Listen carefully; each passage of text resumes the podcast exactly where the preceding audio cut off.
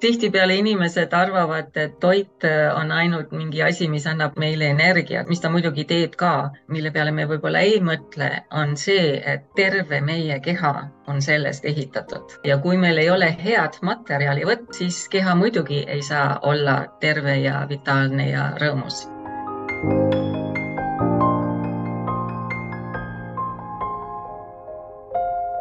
Tervitused Tallinnast, minu nimi on Rainer Sternfeld ja te kuulate saatesarja Globaalsed eestlased, kus meie eesmärgiks on luua mälupilt sajast silmapaistvast Eesti inimesest üle maailma, üksteiselt õppida ning tuua meid teineteisele lähemale. on kahekümne kaheksas november aastal kaks tuhat kakskümmend kaks ning mul on hea meel tutvustada meie tänast saatekülalist, kelleks on tantsija, koreograaf, tunnustatud tervisliku toitumise ekspert, Kundalini jooga õpetaja, kunstnik ning Polli talu perenaine Marika Blossfeld Marika pere äh, kolis Saksamaale Düsseldorfi, kui ta oli ise vaid pooleteistaastane ja ta on õppinud Rootsis tekstiilidisaini ning Berliini ülikoolis maalimist. paralleelselt tegeles Marika kaasaegse lavatantsuga, mis viis ta New Yorki, kus ta äh, tuhande üheksasaja kaheksakümnendatel, üheksakümnendatel äh, oli tantsulavadel tunnustatud solist. Seal hakkas ta tegelema ka koreograafia ning lavastamisega ning avas enda jaoks, avastas enda jaoks Kundalini jooga Marika jagab äh, oma elu kahe koha vahel, suviti Pärnumaal, äh, vanasti siis Läänemaal, äh, enne haldusreformi, Pearootsi lähedal Polli talus ja talviti New Yorgi osariigis Beaconi nimelises väikelinnas. Polli talust on saanud tunnustatud loominguline keskus, seal juhendab ta suvekuudel jooga ja terviselaagreid ning loomefestivale Äh, kirgliku terviktoidu kokana kasvatab Marika ise köögivilju ja maitsetaimi ning hoolitseb selle eest, et Polli talu äh, külaliste laual oleks võimalikult kvaliteetne ja maitsev toit. tema erapraksis Delicious Nutritious või Delicious Nutrition on pühendatud teadlikkuse avardamisele toidu ning eluviisi sügavast mõjust meie tervisele. Äh, Marika on korraldanud New Yorgis Eesti päevasid ja mitmeid Eesti kultuurifestivale. ta on lavastanud näiteks ka tantsuetendusi Kaleva emapõlv, lind, naise vaim, elu ja surma tangod, Kingake, kingake ning Kivikell. Marika on kirjutanud äh, äh, mitmeid ra raamatuid tervislikust toitumisest, näiteks Looduslik toit, väärtuslik elu aastal kaks tuhat üheksa, mis on ilmunud ka inglisekeelsena Essential Nourishment Recipes from my Estonian farm aastal kaks tuhat üksteist ja aastal kaks tuhat neliteist Looduslik toit, ehe ja tervendav, äh, mis ilmus samuti inglisekeelsena Cooking with Marika Clean Cuisine from an Estonian Farm aastal kaks tuhat kakskümmend. Ähm, lisaks kõigele eelnevale on tema huvideks veel ka fotograafia, graafiline disain ning arhitektuur. tere tulemast saatesse, Marika! aitäh mind kutsumast mul on väga hea meel, et, et me äh, leidsime selle aja ja, ja ma küsiks kohe, et, et kust maailma nurgast ma praegu sind leida võin? et hetkel ma olen siis Beaconis oma talvekodus ja viibisin just äh, nädala lõpu ühel jõululaadal, kus ma siis oma raamatutega tegelesin ja üritasin neid siin müüa mm. -hmm. väga vahva. Äh, aga läheme tõesti algusesse tagasi. Ehm, äh, kirjelda seda keskkonda, milles, milles kasvasid ja, ja, ja sündisid Eestis, kuid mis, mis tingis perega Saksamaale kolimise mm? -hmm jah, ma sündisin siis äh, tuhat üheksasada viiskümmend kaheksa ja kui ma olin poolteist aastat vana, siis äh, meil avanes võimalus äh, ümber asuda Saksamaale ja see tuli selle tõttu, et minu isa, kes on perest, kes olid nagu Volga sakslased ja kunagi siis tulid Eestisse ja tema siis ema ja vend läksid, olid juba ette läinud, ma nüüd kahjuks ei tea, millal nemad Eestist lahkusid Saksamaale, aga igal juhul, et siis äh, viiskümmend üheksa oli meil siis võimalu, võimalus ka Saksamaale ümber asuda, kuna oli Adenaueri ja Hruštšovi vahel niisugune kokkulepe, et äh, perekonnad saaksid jälle tagasi kokku ja siis ootaski meid ees äh, siis minu onu ja, ja, ja minu vanaema. ja ma ei mäleta täpselt, kui kaua me seal Schwetzingenis olime, aga suht varsti äh, leidis mu isa siis tööd ja huvitaval kombel ühe eestlase juures, kellega ta oli juba Eestis koostööd teinud, kes vahepeal äh, põgenes Rootsi ja tuli siis Rootsist Saksamaale ja see oli niisugune firma, mis tegeles roostevabu pottide ja köögitarvikute müümisega ja siis minu isa oli siis seal müügijuht ja siis äh, jah, ma siis äh, hakkasin seal äh, lasteaias käima ja ma arvan, seal ma õppisin siis saksa keele ära.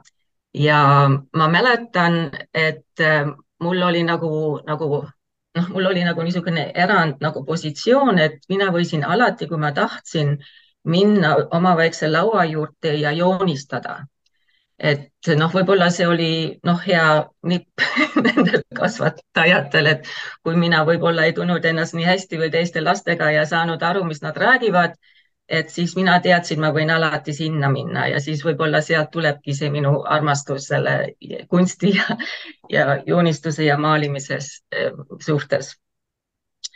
ja siis ähm, jah, käisin siis Saksamaal koolis, lõpetasin gümnaasiumi ja siis ma, mul oli niisugune tunne, et ma ei taha kohe edasi midagi jälle õppima minna.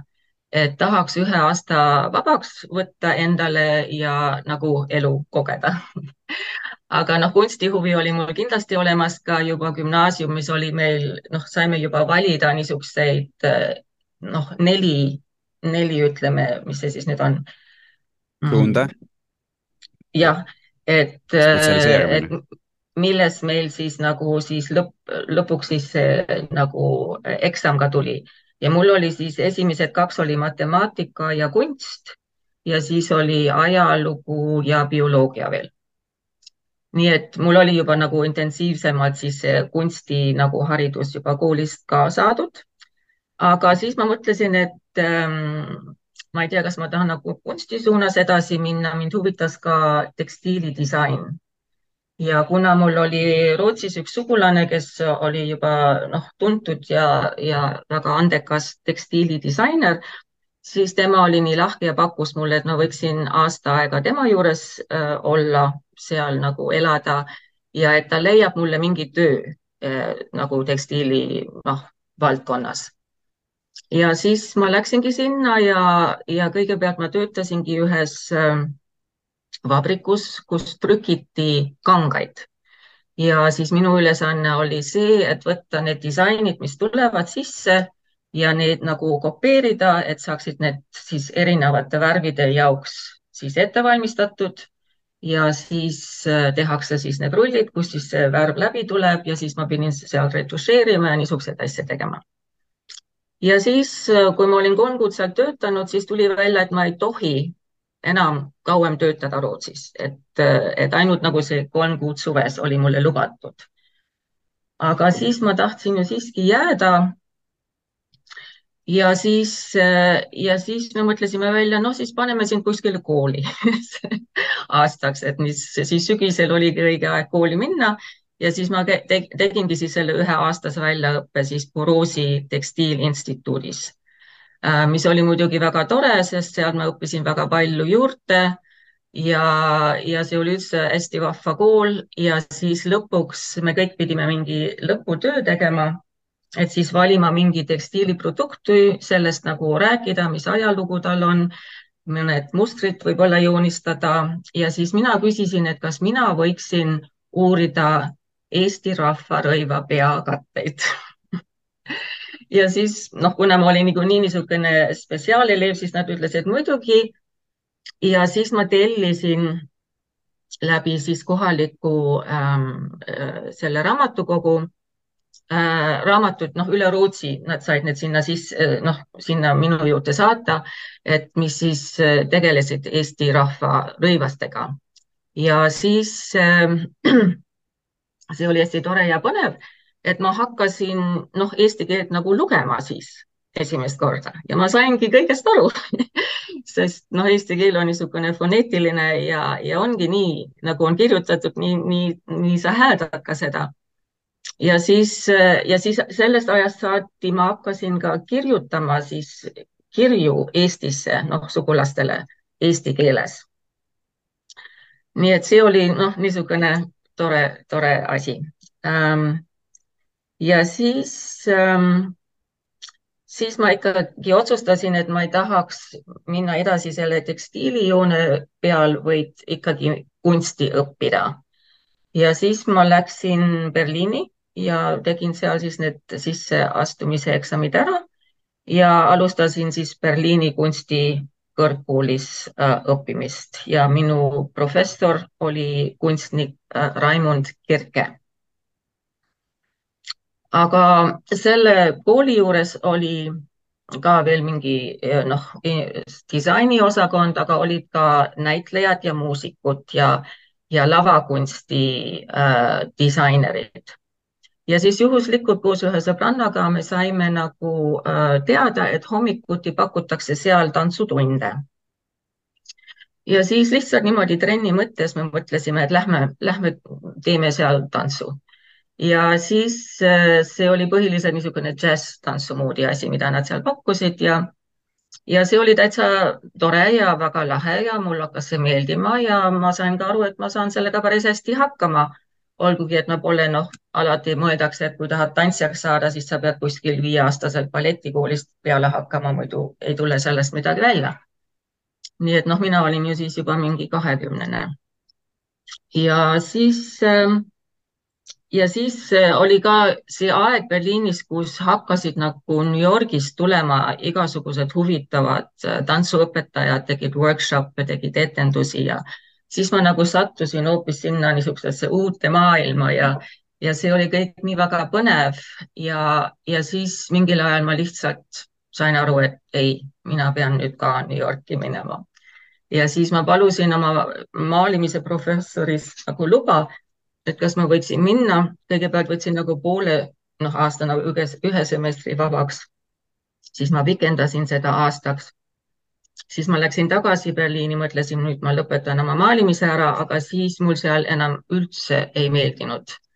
et ma hakkasin sisseoste tegemas ühes supermarketis lihtsalt kõvasti nutma ja nii igatsesin jälle tagasi New Yorki ja siis ma sain jälle kokkuleppele oma professoriga, et ma võin sinna minna pidin lubama, et üks kord aastas ma tulen ikka Berliini ja näitan talle ka mingisuguseid noh, maalitöid. nojah, ja niimoodi me tegimegi siis nii et olin tegelikult New Yorgis ja, ja käisin ikka vahetevahel Berliinis ennast näitamas ja siis äh, ja siis aasta enne kooli lõpetamist ma läksin siis jälle üheks terveks aastaks tagasi Berliini ja siis fookus oli ainult maalimise peal, et ma saaksin oma selle portfoolio kokku pandud ja viimase näituse tehtud.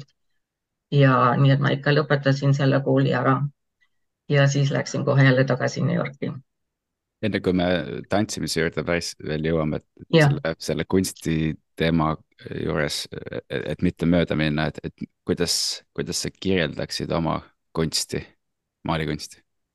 maalikunsti, no see on igal juhul abstraktne ja ta on tegelikult ka väga tantsuline, võiks öelda. et seal on hästi palju liikumist ma arendasin ka niisugune, niisuguse tehnika, et kui ma maalisin näiteks lõuendi peal, et ähm, ma maalisin, mm, mis need värvid on, mis nagu tuubist tulevad, mitte õlivärvid, aga, aga Ak veega lahustavad värvid. akrüül? akrüül, jah, värvid.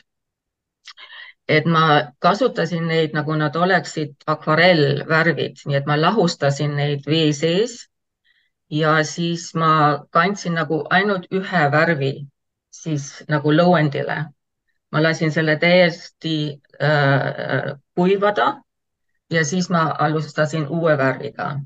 Ja selle tõttu siis need värvid nagu ühe teise peale siis noh, tekitavad siis segusi ja väga huvitavaid segusi, ilma et see midagi kuidagi noh, jookseks laiali. Ja siis niimoodi kihtide viisi ma niimoodi tegin oma pilte ja nii, et nendes on hästi palju liikumist ja rütmi ja, ja, ja need värvid äh,, mul isegi noh, siin Piikenis ripub üks maal seina peal ja, ja meie toidulaud on niimoodi pandud, et mul on nagu vaade selle pildile kogu aeg, kui ma söön kolm korda päevas. Ja, ja see on nii huvitav, sest ta nii muutub, muutub olenevalt sellest, mis valgus sisse tuleb või mis ilm on või mis päevaaeg on. nii et ma pole veel ära tüdinud sellest maalist, et ma alati jälle avastan midagi, et on just nagu elab, nii et äh, jah, niisugused siis on minu maalid selle, selles raamatus äh, Looduslik toit ja täisväärtuslik elu, sisekaantel on ka äh.... ja need on ka jah, minu kõik vanad tööd, täpselt mm. -hmm. et, et nüüd, kui sa kirjeldasid seda, siis mul tuli kohe kangastusid selle ette need, need rohelised ja helekollased ja violetsed toonid, kus olid kõik nagu pool läbipaistvad mm. -hmm, jah. väga vahva, äh, aga siis, siis peale selle portfoolio kokkupanekut ja, ja aastat Berliini, siis naasesite New Yorki. Kuidas New York sind vastu võttis ja, ja kuidas üldse toimus selline, ma ei tea, läbilöök New Yorgi tantsu ja no ma ei tea, see kõik, see kõik läks niimoodi nagu iseenesest, see oli täiesti uskumatu. et ähm, kui ma maandusin lennukiga esi, esimest korda, kui ma siis esimene kord New Yorki lendasin et siis äh, vanasti oli veel nii, et lennuk maandas ja sa tuled noh, ise trepist välja ja kõnnid üle selle väljaku ja siis lähed mingisse hoonesse. Ja noh, niipea kui ta, kui ma selle, kui ma sealt välja astusin ja sealt trepist alla läksin, ma, ma noh, tajusin, et see on see õige koht, kus mina pean olema. no ma ei tea, miks ja siis oli, oli noh, muidugi mul läks väga õnneks selles mõttes, et Äh, Berliinis ma sain tuttavaks ühe Ameerika, ütleme, lavastajaga, kes töötas ka niimoodi väga huvitavalt ja palju liikumisega äh, Berliinis ja ma käisin tema neid etendusi vaatamas ja veel Berliinis olen, on, olen. ma pakun sulle oma, oma seda korterit New Yorgis, et mul on seal üks roommate, aga tema ei ole üldse tihti seal, tal on, ta on alati oma sõbranna juures põhimõtteliselt on sul see korter enda jaoks ja see oli muidugi noh, täiesti ideaalne, nii et ma ei tea, ma olin seal võib-olla siis pool aastat selles korteris või nii. ja siis ta ka teatas oma väga hea sõbrale äh, Bonnie Steinile, et, et ma tulen ja et ta natukene noh äh, muretseks minu pärast või noh, et ta, mis see õige sõna on, et ta ähm, noh, aitaks mind või nii. ja siis, äh, siis me vist telefoni teel siis rääkisime, et äh, okei okay,, et saame kokku, tema ütles, et ta tuleb kuskilt mingist trennist ja siis me leppisime kokku, et me saame kokku sellel nurgal Bowery ja ma arvan, see oli Neljas tänav. ja siis mul oli see niisugune periood elus, kus ma ainult siniseid riideid kandsin siis ma ütlesin, et noh, sa tunned mind ära, et mul on ainult sinised riided seljas. ja niimoodi siis me kohtusime ja, ja noh, Bonnie käes on minu kõige vanem sõber ja ikka veel. ja siis oli nii, et see oli võib-olla mingi teisipäev. ja siis tema kutsus mind äh, ühte proovi, mis oli siis laupäeval, seesama nädal ja ja see oli proov ühe äh, lavastajaga nimega Ann Wilson, kes tegi väga huvitavaid lavastusi. Äh, tema niimoodi kombineeris äh, sõna ja, ja, ja liikumist ja, ja disaini. ja siis noh, põhimõtteliselt mind võeti kohe vastu ja käisid proovid ja ma ei mäleta, millal see etendus siis oli, aga see noh, läks kõik nii sujuvalt ja siis, ähm, siis ma hakkasin muidugi ka erinevates stuudiotes tantsutunde võtmas. Et ähm, minu, ma, ma sain oma viisa, see oli muidugi ka, ka üks, üks niisugune praktiline asi ja mure. Äh, selle viisa ma sain Cunninghami stuudio kaudu, nendel oli nagu see õigus äh, viisasid äh, nagu taotleda nende õpilastele. ja siis ma käisingi Cunninghami stuudios niimoodi regulaarselt et äh, see oli niisugune suur kuju äh, moodsas tantsus. Ja, aga noh, ma käisin ka teistes kohtades äh, mingid Graham tehnikat õppimas ja Eric Hawkins ja ja siis noh, New Yorgis olid ka kogu aeg mingisugused lühemad noh, workshop'id ja niimoodi, kus kogu aeg midagi toimus ja kogu aeg oli väga-väga olla. Ja siis muidugi käisime etendusi vaatamas vanasti need olid nii odavad, need maksid mingi neli, neli dollarit, eks ju, et, et seda et sai endale lubada. tänapäeval on nii kallis, et ei, ei saagi igal pool käia enam. ja jah, nii et see aeg lihtsalt läks niimoodi, niimoodi sujuvalt ja siis mingil ajal ma hakkasin siis äh, ise ka lavastama. ja, ja siis jah muidugi ma pidin mingit tööd tegema, et raha teenima, siis selle tantsuga siiski raha eriti ei teeniti. ja alguses ma ähm, noh, olin nagu lapsehoidja siin ja seal. ja siis mingil ajal ma tutvusin ka minu abikaasaga, kes on arhitekt ja siis meie kolisime kokku ja siis ähm, tema otsustas mingil ajal ka veel kord tagasi kooli minna ja siis lõputööks ta pidi mingi maketi ehitama. ja siis muidugi ta noh, jäi hiljaks selle kogu selle värgiga ja siis ta palus, et äkki ma saaksin teda aidata. ja siis ma põhimõtteliselt ehitasingi selle maketi tema jaoks kuskil öösel kell üks kuni neli. ja siis, siis ta ütles, kuule, sa oskad seda päris hästi, sa võiksid sellel alal töötada ja siis, äh, ja siis ma võtsingi julguse kokku ja hakkasin arhitektuuribüroodes käima ennast tutvustamas ja, ja kas nendel on vaja maketi ehitajat ja noh, niimoodi ma leidsingi siis tööd, et niimoodi freelance. et äh, noh, teatud mingi projekti jaoks ja siis ma jälle pidin midagi muud otsima, aga kuidagimoodi ma ikka leidsin neid jälle.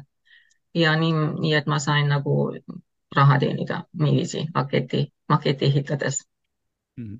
See, see, see tantsuperiood äh, just sissejuhatuses ka äh, mainisin, et noh, kaheksakümnendad, üheksakümnendad, see oli nagu tohutult tormiline aeg New Yorgi ajaloos, et, et millised voolud siis nagu maailmas äh, ütleme, ma ei tea, tõusid või, või langesid ja, ja millele teie keskendusite ja siis, ja siis kas sa ise tantsijana olid teistsugune kui, kui lavastajana? No ei, need on ikka väga-väga äh, seotud, eks ju. et, äh, et äh, muidu noh, ma võin olla tantsija ühe teise koreograafi tükis ja siis ma üritan teha nii, nagu noh, nemad soovivad, eks ju. aga kui mina ikka oma enda tükki teen, siis see on ikka nii, nagu mina ka ise tantsiks, eks ju.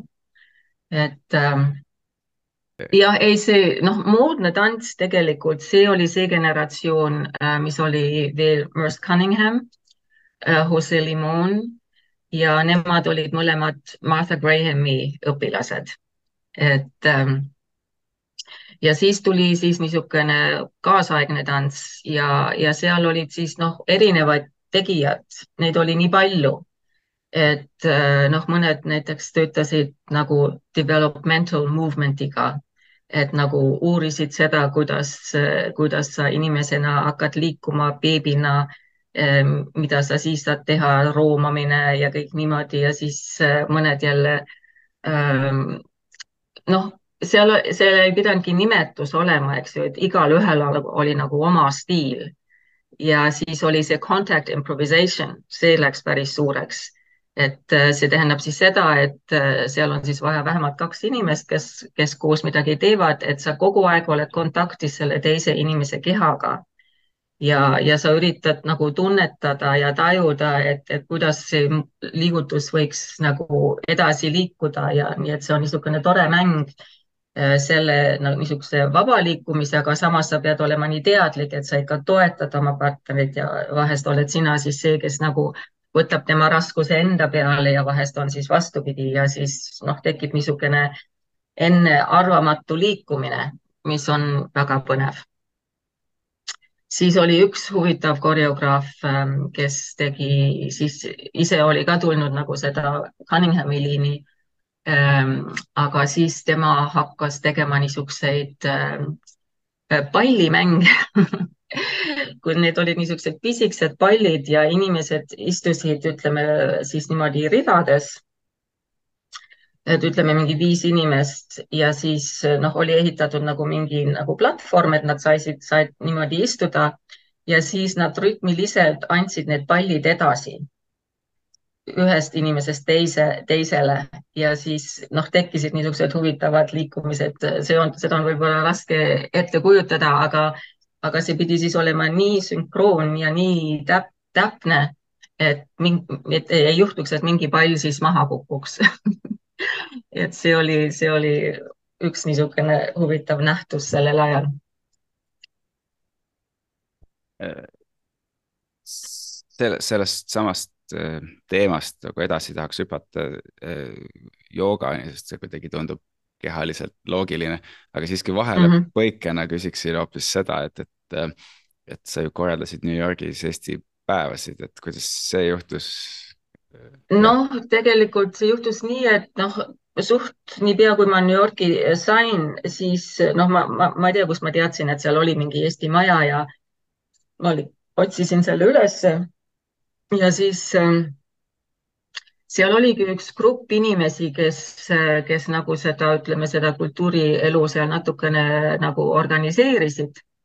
Ja ma sattusin nende punti ja siis, äh, siis me tegime niimoodi koostööd, et mõtlesimegi välja, et keda võiks Eestist kutsuda, et üks külaline, noh, ka Vene ajal ikka tuli Eestist kohale, äh, mis oli noh, nii põnev äh, muidugi ja, ja siis noh, kuna mul oli natukene kunsti tagapõhi, siis mina olin ka see, kes kõik need, need nagu need kutsed siis disainis. Ja, ja siis, eh, siis ükskord oli, kutsusimegi Tõnu Kaljustet äh, äh, Eesti Majja ja siis äh, mul oli siis plaan teha etendust äh, nimega Kaleva ja, ja ma küsisin tema käest, et, et äkki tal on mingi soovitus, et mis muusikat ma võiksin kasutada. Ja siis ta ütles ei, et mis, me, me ei võta ju siis mingit olemasolevat muusikat, vaid me leiame sulle helilooja, kes kirjutab muusika selle, sellele. ja siis tema nagu tutvustaski mind Lepo Sumerale ja, ja nii tuli siis see koostöö, et Lepu Sumera siis tegi seda, seda muusikat minu tükile ja siis. mis, mis aasta see oli? see oli võimas. oota, ma vaatan, mul on siin mingid, äh, tuhat üheksasada üheksakümmend kaks oli see siiski. nii et siis oli juba Eesti aeg. jah, et sellega me esinesime siis Tallinnas äh, Draamateatris ja siis äh, New Yorgis ka üheksakümmend kaks, okei okay,, siis, siis ma ikkagi mm. pean äh, kõigepealt rääkima sellest, äh, et, et millal te esimest korda Eestis äh, sattusite peale ah,. jaa, okei. peale seda, jah. ja, et see oli siis, oota, esimest korda ma sattusin, kui ma olin kaheksa-aastane, see oli siis tuhat üheksasada kuuskümmend kuus teine kord, kui ma olin üksteist aastat vana, siis kuuskümmend üheksa ja kolmas kord, kui ma olin kuusteist aastat vana ja see siis oli siis tuhat üheksasada seitsekümmend neli. ja, ja sellega seoses on, on veel üks niisugune suur, ütleme, murdepunkt minu elus. et ähm, kui ma olin kuusteist aastat vana, siis, siis me sõitsime emaga kahekesti Eestisse ja nagu alati, me sõitsime läbi rongiga, see oli väga pikk reis, rongiga läbi Rootsi kuni Stockholmi, siis Stockholmist Helsingi laevaga, siis Helsingist Tallinna laevaga. Sel aastal esimene kord oli laevaühendus otse olemas äh, Stockholmist Tallinna. ja siis me läksime siis oma kabiini, panime oma pakid maha ja siis ma ütlesin midagi nagu noh, lähme nüüd vaatame, et mis siin laevas lahti on ja siis mu ema ütles, et ootaks, et, et mul on sulle midagi tähtsat öelda. ja siis ma mõtlesin, huvitav, mis siis nüüd tuleb. Ja siis ähm, mu ema rääkis mulle minu sünniloo. ja tuleb välja, et minu pärisema suri mind sünnitades. ja siis minu ema, kellega ma olin siis üles kasvanud, see oli minu päris ema õde nii et tema võttis mind nagu siis, kui see traagiline surm juhtus, nagu enda juurde, siis ta oli noh, kõige lähedam sugulane. ja siis, kui meil oli see võimalus Eestist lahkuda ja Saksamaale minna, siis mind ametlikult adopteeriti. ja noh, muidugi mulle oli see paras šokk, aga siiski mitte nii pahas mõttes, et mina kohe mõtlesin, issand, kui huvitav, et äh, niisugune, niisugune elu ja, ja noh, kuidas mina sattusin Saksamaale ja, ja kõik niimoodi, et igal juhul ma ei olnud kellegi peale pahane, et mulle seda alles, alles nii hiljuti öeldi ja, ja siis teine asi on see, et siis ma sain aru, et, et mul on ju päris õde olemas. kes siis elas kogu aeg noh, edasi Eestis oma isa juures. ja, ja see oli, noh, see oli hästi, hästi äh, noh, liigutav ja, ja meie saime siis noh, niimoodi väga lähedaseks õega, kui ma teadsin, et ta on mu õde. et enne ma arvasin, ta on mu täditütar ja noh, mis ja mu õde, kes kogu aeg teadis, et ma olen ju tema õde, tema ei tohtinud mulle midagi öelda sellest, eks ju. et ähm, noh, temal oli ka raske selles mõttes. Aga noh, on, mis on. et nii et selles, nii et noh, okei okay. noh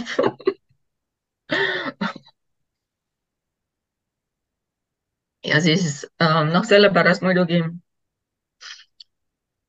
noh, mu, mu suhe nagu Eestiga on võib-olla ka tihedam, kui võib-olla teistel väliseestlastel oleks olnud, et kuna mul oli nii lähedane sugulane seal, et siis me käisime ikka seal päris tihti ja noh, iga kord me käisime ikka mitme-mitme suure kohvriga, et oli ju vaja neid äh, teksapükse viia ja igasuguseid asju, mis olid defitsiidid Eestis. ja, ja siis, ähm, kui ma siis vanemaks sain, mul on noh, tegelikult alati olnud niisugune südamesoov kunagi maal elada ja mitte, et ma oleks tahtnud olla farmer või midagi, aga lihtsalt maal olla. Ja ma arvan, see jälle tuleb võib-olla sellest, mul on hästi toredad mälestused sellest ajast, kui me käisime Rootsis oma sugulastel külas ja olime seal ka koos teiste eestlastega ja seal oli üks pere, kes elaski maal, nii et me käisime nende juures külas ja ja esimest korda seal ma kogesin, et keegi ütles, et vaata, et võta ise porgand maast ja ma võtsin, tõmbasin selle porgandi sealt välja ja siis äh, seal maja juures oli nagu mingi kraan väljas, et pesin selle siis mullast puhtaks ja, ja sõin selle ära ja, ja see, see maitseelamus, mis ma sealt sain, see on mul tänaseni meeles. ja ma arvan, see on see põhjus, miks ma alati unus, unistasin, et kunagi ma tahan ka maal elada.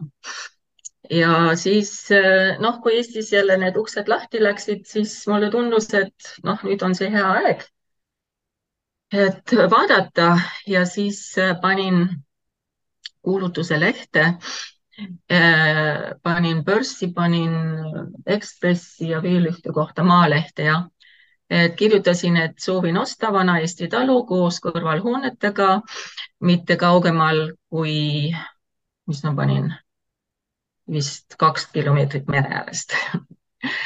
Ja siis ähm, noh, mulle helistati ja noh, mõne helistaja kohta ma sain kohe aru, et see, see talu ei sobi, et keegi helistas Viljandimaalt. Ja siis ma küsisin, et noh, et kus see meri seal siis on ja siis nad ütlesid, nojah, merd meil ei ole, aga meil on viiskümmend õunapuud aga noh, nendest ma ei olnud ka huvitatud.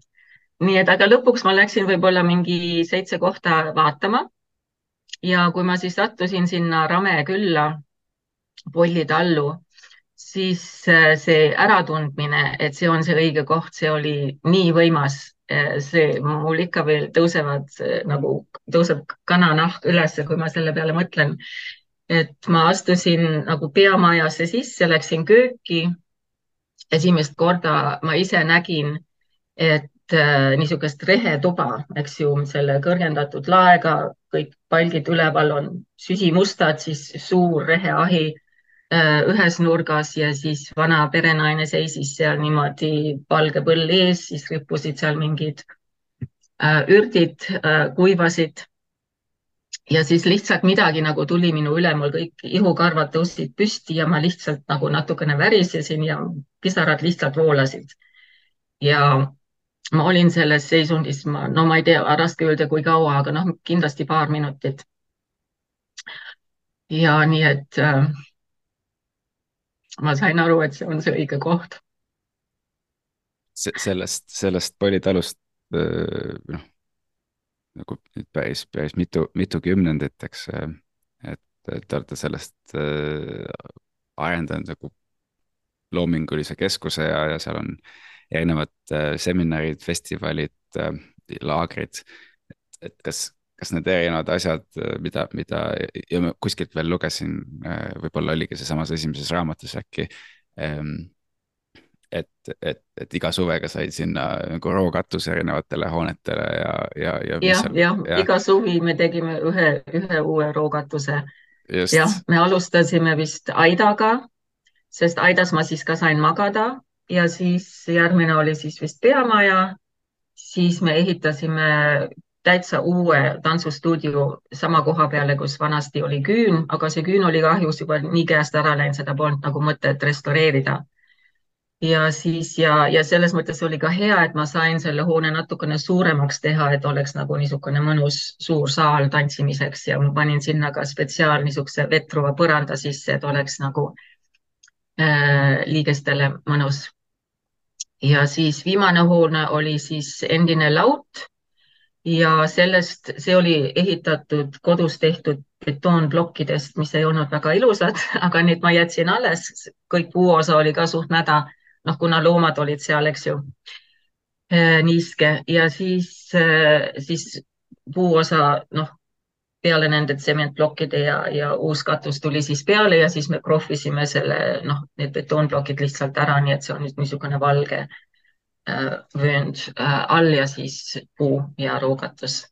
Ja siis ühe, ühe hoone, kuna noh, Läänemaal vist ei olnudki nii väga kombeks, et äh, saun on olemas nagu omaette, et ma, ma kuulsin, et tehakse sauna kuidagi selle reheahju peal umbes köögis. aga mina ikka soovisin sauna ja siis ma disainisin ise veel ühe hoone juurde, mis on siis natukene kaugemal, et seal saab siis rahul, rahulikult olla looduse sees ja tegime siis niisuguse toreda nagu noh, ikka puuküttega Soome sauna ja samas hoones on väike ruum, mida saab ka nagu kunstniku ateljeeks kasutada. sest noh, üks asi, mida me Pollil pakume, olgugi vähem ja vähem, sest meil on nagu need laagrid võtavad natukene üle. aga me põhimõtteliselt pakume ka kunstnikutele äh, võimalus meie stuudiosid kasutada äh, loometööks ja, ja noh, nad tulevad niimoodi kaheks nädalaks, kolmeks nädalaks või niimoodi, et äh, olla lihtsalt jah, ilusas kohas looduses ja meie toidame neid ja nad võivad täiesti oma aja pühenduda oma kunstile. kas, kas selle Polli talu sisuga ähm, täitmine ähm,, et kuidas see on nagu ajas arenenud, et, et, et praegu toimub jah, nagu erinevaid asju, aga kuidas selle nii-öelda evolutsioon on? ja et äh, jah, see on nagu niimoodi kolm faasi on nagu olnud, et ähm, alguses oli kõik äh, väga niimoodi nagu ütleme, kunsti või tantsu workshop'id ja niimoodi selle peale ehitatud ja, ja me saime vanasti veel Sorose fond toetas Eestit ja me saime Ameerikast The Trust for Mutual Understanding tegi ka vahenderandi ja, ja toetas meie projekte Eestis. et me tegime noh, kaks korda, need olid hästi vahvad niisugused ähm, noh, kolmenädalased workshop'id, kus siis äh, esimene kord me tegime nii, et äh, üks grupp siis olid äh, tantsijad, koreograafid ja, ja teine grupp olid äh,, oota, kuidas see siis oli veel, olid muusikud ja siis olid veel nagu valgus la,, lava valgustajad. et siis niisugune, niisugune grupp, et kõik noored, kes ja tulid noh, Ameerikast kohale, tulid Euroopast kohale, tulid noh, eriti siis ka Ida-Euroopast kohale, eks ju, suuruse kaudu. ja siis äh, iga, iga tantsija, koreograaf tegi mingi loo, kus ta võis kasutada teisi osalejaid nagu oma tantsijateks, võis ka ise soolo teha, see oli kõik vaba ja siis äh, muusikud töötasid tantsijatega äh, ja õpetasid nendele, kuidas saab niimoodi äh, noh, lihtsate vahenditega instrumente teha, et muusikaks kasutada. ja siis oli meil veel üks valguse disainer, kes siis aitas teha nagu valgust ja õpetas seda. nii et siis lõpuks me panime nagu kaks programmi kokku, et ühes oli siis niimoodi, et ühed tantsisid teised tegid muusikat ja seda valgust ja siis äh, vastupidi, siis äh, teisel päeval olid need, kes muusikat ja valgust tegid, esinesid ja teised tegid muusikat ja valgust ja nii et need olid hästi vahvad niisugused sedalaadi projekti. Äh, aga siis nagu see toetus nagu kuivas ära ja siis läks rohkem nagu niisuguse joogalaagri peale üle ja teised joogaõpetajad tulevad ka ja käivad oma gruppidega pollil. ja siis nüüd on nagu niisugune kolmas faas, olgugi et me teeme ikka veel joogalaagreid äh, ja käivad teised joogaõpetajad, aga nüüd on hakanud ka turistid käima. Et äh, ma teen koostööd kahe, kahe naisturismi äh, äh, inimesega. Üks on siis Saksamaalt ja üks on Ameerikast ja mõlemad organiseerivad, organiseerivad reise spetsiaalselt naistele. nii et naised omavahel grupis reisivad ja siis me oleme pannud to niisuguse toreda paketi kokku, et nad kõigepealt saabuvad Tallinna, on seal kaks päeva hotellis, noh, käivad vanalinnas ringi koos giidiga, teisel päeval nad käivad Kadriorus, Kumus ja Loomelinnas ja siis viiakse nad siis Pollile ja siis Pollil teeme hommikuti joogat, igaüks saab sellel ajal kaks massaaži ja siis teeme erinevaid väljasõite Pollilt, näiteks noh, meil lähedal on see Matsalu rahvuspark, siis ühe päeva veedame seal, siis äh, käime Kihnu saarel ühe päevasõidu ja siis käime ühel päeval veel Pärnus, kus nad saavad siis spaas käia ja rannas olla ja niimoodi. et niisugune tore pakett, jah Äh, räägi, räägime siis äh, nendest kahest teemast, äh, sisuplokist nii-öelda, et, et jooga ja siis toitumine, et alustame siis joogast, millest ma e-, ennem libisesin üle, tundus, tundus loogilisem nii mm. -hmm. et teid on noh, nimetatud Kundalini jooga maaletujaks Eestis, kuidas, kuidas ähm, sattusid seda harrastama ja millest tekkis sügavam huvi? Selle vastu? Noh, ma olen tegelikult alati mingil määral mingit joogat teinud, et kõik tantsuõpetajad ja niimoodi nagu vahest integreerivad ka natukene joogat sisse. aga mm, see Kundalini jooga, see, see nimi tuli üles, kui ma, kui ma töötasin oma selle emapõlvtüki kallal, et ja uurisin seal niisuguseid äh, matriarhaalseid ühiskondi ja seal oli Kundalini energiast juttu ja ja siis ähm, ja siis ma nägin siin New Yorgis, et pakuti, siin on niisugune keskus Open Center, äh, kus pakutakse erinevaid kursuseid, et seal oli niisugune sissejuhatav äh, tund Kundalini jooga ja siis ma läksingi sinna. ja see hakkas mulle kohe nii väga meeldima, see esimene tund, see õpetaja sobis mulle väga hästi ja see Kundalini joga on niisugune dünaamiline jogavorm, et sa mitte ainult ei istu ja hoia mingit, mingeid asendeid, vaid noh, see, see tuleb ka ette muidugi, aga seal on ka palju venitusi, ka isegi liikumist, seal on meditatsiooni, seal on muidugi hingamine ja seal on ka loitsimine. ja, ja mulle tundus, et see oli niisugune tore, noh, täiuslik pakett et terve keha ja vaim ja kõik meie näärmed ja närvisüsteem ja meridiaanid kõik ja tšakrad kõik, noh, ta üritab neid jälle tasakaalu viia, et energia saaks vabalt liikuda. ja, ja tõepoolest, et sa tunned ennast alati väga hästi, kui sa oled Kundalini joogat teinud, et sa tunned ennast maandatuna ja, ja nagu noh, nagu äh, kergena samal ajal. Ähm, ja, ja nii, et noh, mulle see lihtsalt väga hästi istus ja ma hakkasin siis kohe, kui ma selle õpetuse olin juba varem ka äh, lõpetanud, siis ka õpetama ja, ja siis ma tegin seda nii Pollil kui noh, ka teistes kohtades Eestis ma ikka andsin ka Tallinnas tunde ja Viljandis ja kus, kuhu mind aga kutsuti. Ja siis noh, tuleb välja, et mina ise isiklikult võib-olla võin lugeda üles mingi kakskümmend inimest, kes minu, minu kaudu selle Kundaliniga kokku puutusid, kes siis hiljem ise ka õpetajaks õppisid. nii et noh, nii see lihtsalt loomulikult ja orgaaniliselt siis juhtus. et, et noh, joga on õpetus ja süsteem ja, ja elustiil, et mis on mõned sellised äh, olulisemad õppetunnid äh,, mida te jogat õppides ja õpetades oled mm., äh, oled kogenud ja, ja kaasa saanud?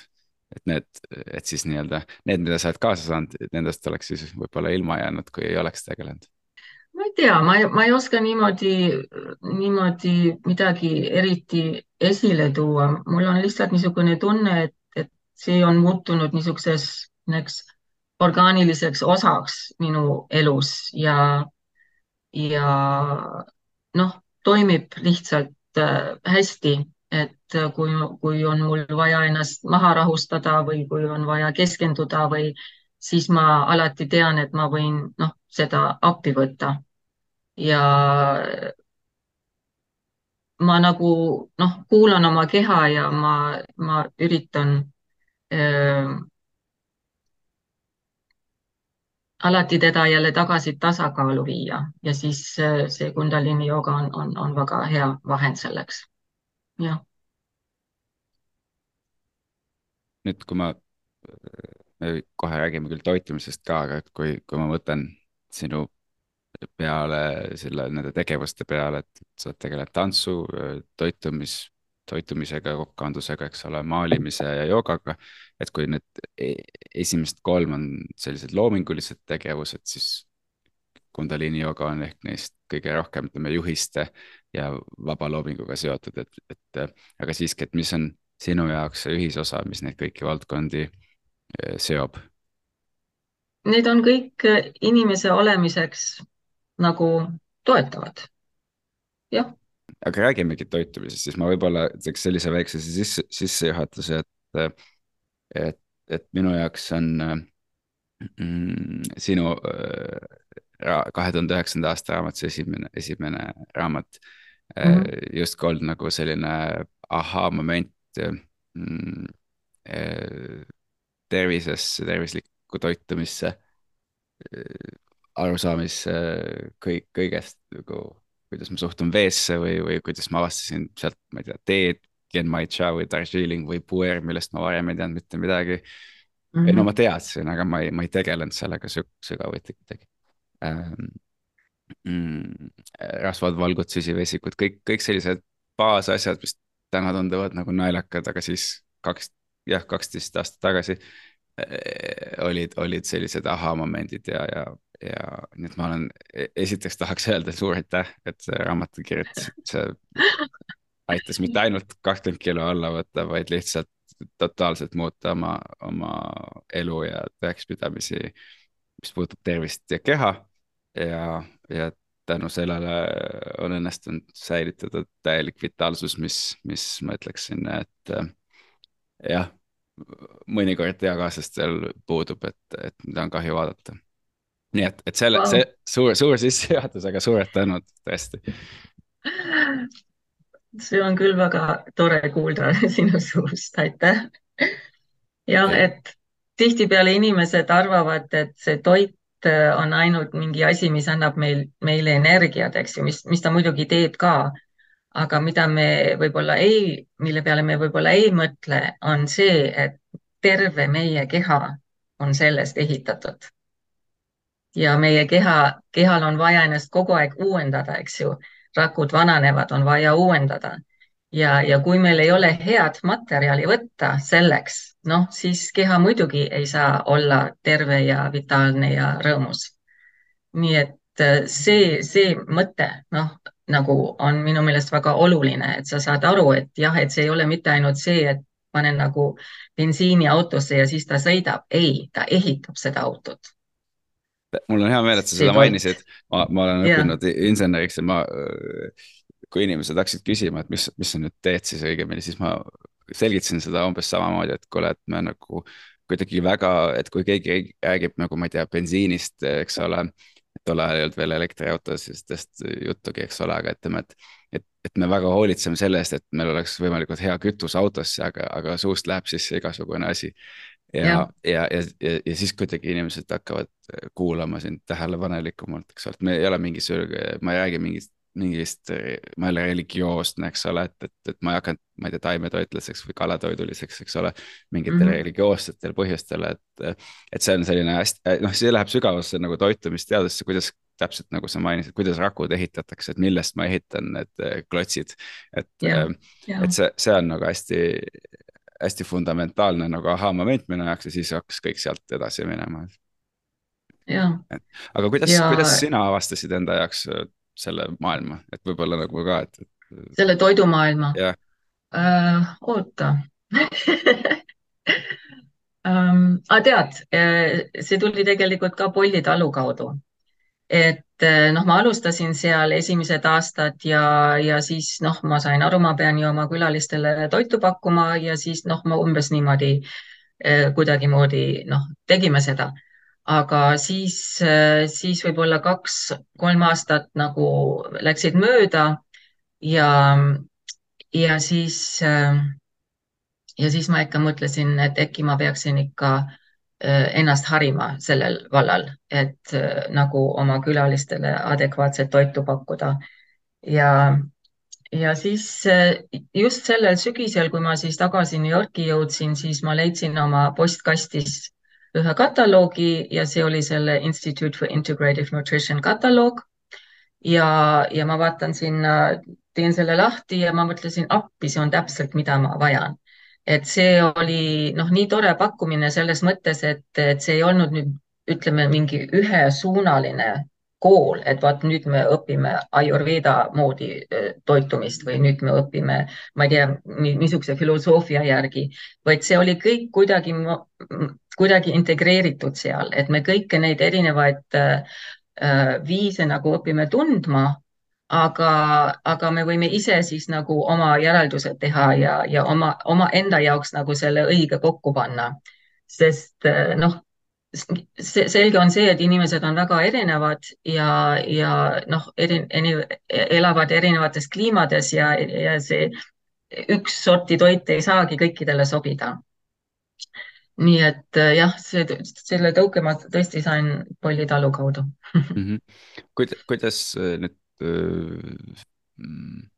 kellest said sinu eeskujud toitumise vallas ja, ja kuidas sa üldse kirjeldaksid oma lähenemist toitumisele, kui seda kuidagi summeerida, enne kui me nagu kuskile sisse hüppame? jah, no ma, no ma ei oskagi öelda, kes mul need väga eeskujud olid. sest mina nagu noppisin siit ja sealt midagi ja, ja panin enda jaoks nagu niisuguse loogilise ja, ja orgaanilise asja kokku. et ähm, oota, mis sa veel küsisid? küsin, kuidas sa kirjeldaksid oma, oma lähenemist, lähenemist? kuidas ma kirjeldaks seda, ja, ahah, õige, et ähm, noh, number üks on tõesti, et, et äh, panna tähele, äh, kuidas sa ennast tunned ja, ja mis kehas toimub. et äh, et kas näiteks, kui sa oled söönud mingi toidu, kas, kas see andis sulle energiat või kas sa tunned ennast nagu väsinud peale söömist hoopis, eks ju. et, et see on nagu see kõige esimene, et sa lihtsalt hakkad rohkem teadlikumalt ennast tajuma, vaatama, mis, kuidas sulle mõjub, mis sulle sobib, mis sulle ei sobib. ja, ja siis kui nüüd niimoodi noh, üldisemalt öelda, siis noh, mina soovitaks süüa nii, et sul oleks, ütleme, pool taldrikku täis mingeid äh, köögivilju, siis üks, äh, üks neljandik võib olla mingi äh, proteiinirikas toit, kas siis kala, liha, loomsed toidud või, või võivad olla kaunviljad. ja siis kolmas või see neljas neljandik siis võiks olla midagi nagu noh, tärklise moodi nagu kartul või riis või, või teised need teraviljad. Siis muidugi noh, on seal palju variante, kes, kellele sobib liha, kellele ei sobi liha, kellele sobib kala äh, on ka inimesi, kes ei, ei, ei soovi üldse liha või kalatoitu või loomset toitu ja nad saavad ka hästi elada, aga, aga igale ühele see kindlasti ei sobi. seda ma võin ka öelda. ja, ja siis äh, alati jah, oma keha kuulata, sealt, sellest hakkab kõik peale. Ja siis muidugi toit on tähtis, aga teised eluvaldkonnad on ka tähtis et äh, noh, tähtis on näiteks, mis tööd sa teed, mida sa teed võib-olla kaheksa tundi päevas, kui see sulle ei meeldi, siis see on ju õudne, kui sa pead seda iga päev tegema kaheksa tundi, eks ju. et see kindlasti ei toeta nagu, et sa oleks äh, nagu rõõmus ja, ja terve, eks ju. Äh, siis noh, inimlikud suhted on, on väga tähtsad sinu lähestega, sinu pere, aga ka sinu sõbrad ja kellega sa noh, nagu ümbritsed ennast. et, et see on nii tähtis, et need on noh, ka nagu samal lainel kui sina ja et te sobite ja, ja toetate üht-teist. ja siis ähm,, mis veel, siis mingi füüsiline äh, tegevus, eks ju et meie kehad on niimoodi ehitatud, et nad vajavad sellist regulaarset füüsilist liikumist. kas see siis on, tähendab sinu jaoks kuskil trennis käia või kas see tähendab jalutamas käia või jooksmas käia või tantsida. et see on jälle väga individuaalne ja, ja igaüks võib leida endale sobivat. aga see on väga-väga tähtis, et sa oma kehaga, et sa oma keha liigutad jah, et kõik protsessid eh, kehas toimuvad kergemini, kui sa ka hoiad oma keha liikuvana ja siis on see niisugune noh, vaimne osa ka, et see peab ka paigas olema, et et kus sa nagu ammendad niisugust teistmoodi energiat, kas sa siis käid looduses või kas sa palvetad või mediteerid või, või midagi niisugust, et see on ka väga oluline. Üks, üks asi, millel tahaks nagu veel korraks peatuda, on siis mm, teema, et terviktoidud või inglise keeles whole foods. et äh, ütleme nii, et mi, millised on terviktoidud, teeme sellise lihtsa abc. millised on terviktoidud, jah? noh, lühidalt see on kõik see, mida me loodusest saame. kõik, äh, kõik äh, juurikad, kõik äh, või loodusest või aiast, ütleme niimoodi. Äh, kõik äh, köögiviljad, kõik lehtköögiviljad, kõik salatitaimed, siis äh, mis veel, puuviljad, marjad, seened, ähm, siis loomsetes toitudes, noh, kalad ja siis see noh, lihatoit, linnutoit, kõik see on whole foods, et, et see on see toit, mis ei vaja seda nimekirja, et mis, millest see toit koosneb, see ongi see üks asi ja see on terviklik.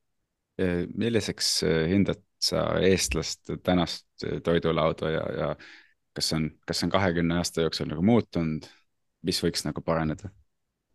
noh, see on jälle niisugune üldine asi, mis on äh, raske niimoodi öelda, aga et noh, tundub, et eestlastele ikka see liha on nii väga tähtis et ähm, ja eriti suvel ma ei saa aru, miks kogu aeg peab grillima ja liha sööma, et äh, see liha on niisugune soojendav toit ja et, et see sobib rohkem nagu külmadesse kuu, kuudesse.